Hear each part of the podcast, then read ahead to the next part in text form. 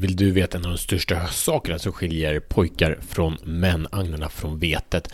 Och om du gör det här så kommer du få mer kraft och mer potential. Och det går snabbt att få det, det är bara ett beslut ifrån dig. Så, välkommen till Kör du Fuck Up Podcast. Jag heter Mattias Fyrön och Kör du Fuck Up är en podcast för män som är redo att frigöra sig själv från sitt inre fängelse och kliva in i sin potential och bli fullfölja för, förfylla sin potential. det är så jäkla mycket engelska så jag kan inte för, svengelska så du förstår inte. Eh, jag har dragit det här introt i 300 gånger eh, på engelska. Anyway, tack för ditt tålamod. Episod 3, Sverige. Tjenare, tjenare, tjenare. Vad vi gör här nu, alltså vi, kommer köra ett par introepisoder där vi pratar om the basic framework, basic idea of show the fuck up, eh, hur du kan frigöra dig själv för att skapa ett extraordinärt liv. Idag kommer det till ett koncept som ingen man pratar om så tydligt, så kraftfullt som Jocko Willink. om du inte har hört eh, Jocko Willink och Leif Babin, Leif Babin är bara even more outrageous dude. Eh, om du inte har hört deras ljudbok som de själva läser in, de är, den ena låter tuffare än den andra, du vet inte vem som ska börja.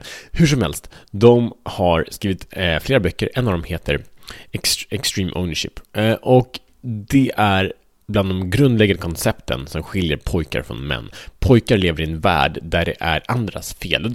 Det är jättemånga vuxna pojkar eh, som är 30, 40, 50, 60 år som lever med det här paradigmet. De flesta har det till någon liten nyans, även Jocko tror jag. Hur som helst, idén, problemet är att leva i, i offerroll, leva i eh, beskyllning av någon annan. Någonting är någon annans fel i ens eget liv. Och då kan man säga, men vänta, jag kan inte ha, allt kan inte vara mitt fel. Jag har inte gjort det, jag är bara en av liksom, miljarder. Vad menar du? Och betydelsen, vi kan prata om det här i år, men för att förenkla det så handlar det om att eh, din, ditt liv, du styr över dina tankar och dina känslor. De flesta gör det inte, men du kan styra över de här sakerna. Och genom hur du styr dina tankar och känslor styr dina handlingar. Hur du agerar på din omgivning. Du kan styra din omgivning, men du kan styra hur du agerar på det. Vilket innebär att du styr resultatet som du får. Så du är alltså inbjuden att ta extremt ägarskap över dina tankar, dina känslor, dina handlingar. När du gör det, då kommer du inte behöva oroa dig för resultatet, för resultatet kommer varje gång bli extraordinärt. Men det är obehagligt, obekvämt att göra det här. För pojken är mycket skönare, för han säger, nej men den, den eller det, om det är presidenten eller kulturen eller, eller det ekonomiska systemet eller jobbmöjligheterna eller att gymmet är stängt eller att kosttillskotten inte kom eller att hon sa nej eller vad, vad som den är. Eller mamma gjorde det, pappa gjorde det, ja men det har varit så eller så, det har varit tufft. Vad som helst, det spelar ingen roll. Det är viktigt, men det gör inte att du inte kan ha kontroll över tankar, känslor och handlingar idag.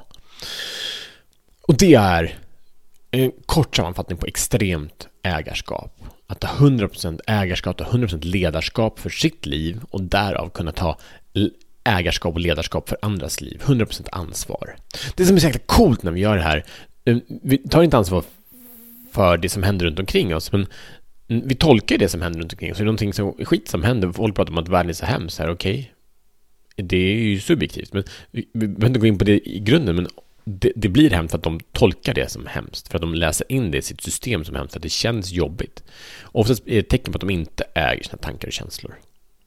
Och vilket ökar då till ökad konsumtion av saker som inte får dem må, må bra, som gör att de tar mindre action, ofta.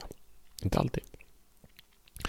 Så det finns ingenting som kontrollerar dig, förutom dina egna tankar och känslor. Det finns vilken typ av situation som helst. Viktor Frankl, the man, um, på, det, det, det, är minnesdagen till förintelsen idag. Eh, Viktor Frankl var på koncentrationsläger, han var på Auschwitz och på andra också. Och han var någon form av terapeut. Han led inte. Han blev utsatt för smärta, för våld. Han såg hur hans vänner blev mördade och dog av sjukdomar och så här.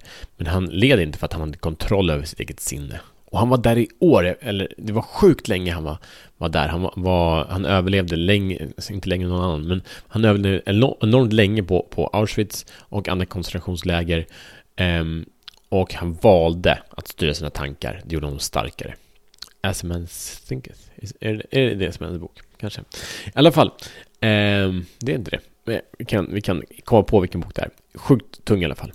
Bara som exempel hur extremt ledarskap kan styra en. Eh, och tack, tack vare att han valde sitt mindset, sitt stateset, sina stories han berättar för sig själv, till och med där, så inspirerar han fortfarande hundratusentals människor idag, som är, vadå, 70 år senare. Okej, okay. så din mission, om du väljer, ditt uppdrag, om du väljer att acceptera det, är att identifiera ett område i ditt liv där du kan köra fuck up och ta extremt ledarskap. Sluta skylla ifrån dig, sluta ursäkter och se vad som händer. Du behöver inte...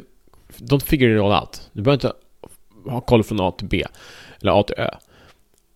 Ta, jag väljer att ta extremt ledarskap. Se, vad kan jag styra? Ta kontroll över det, styr det, släpp taget om det andra. Alright. Eh, dela den här episoden, rate, review, like. Eh, Smash the bell button, som du säger. Nej, men eh, gör det. Och dela gärna med män, svenska män. Som när showen är ny i Sverige, eh, så dela med svenska män så att alla algoritmer fattar att hej, den här är en svensk show som satsar på att män i Sverige ska leva upp till sin fulla potential. Gör det. Okej, okay. eh, har du någon feedback, några frågor, eh, mejla mig på i at showtfapp.com. Eh, och så hörs vi imorgon som bättre män.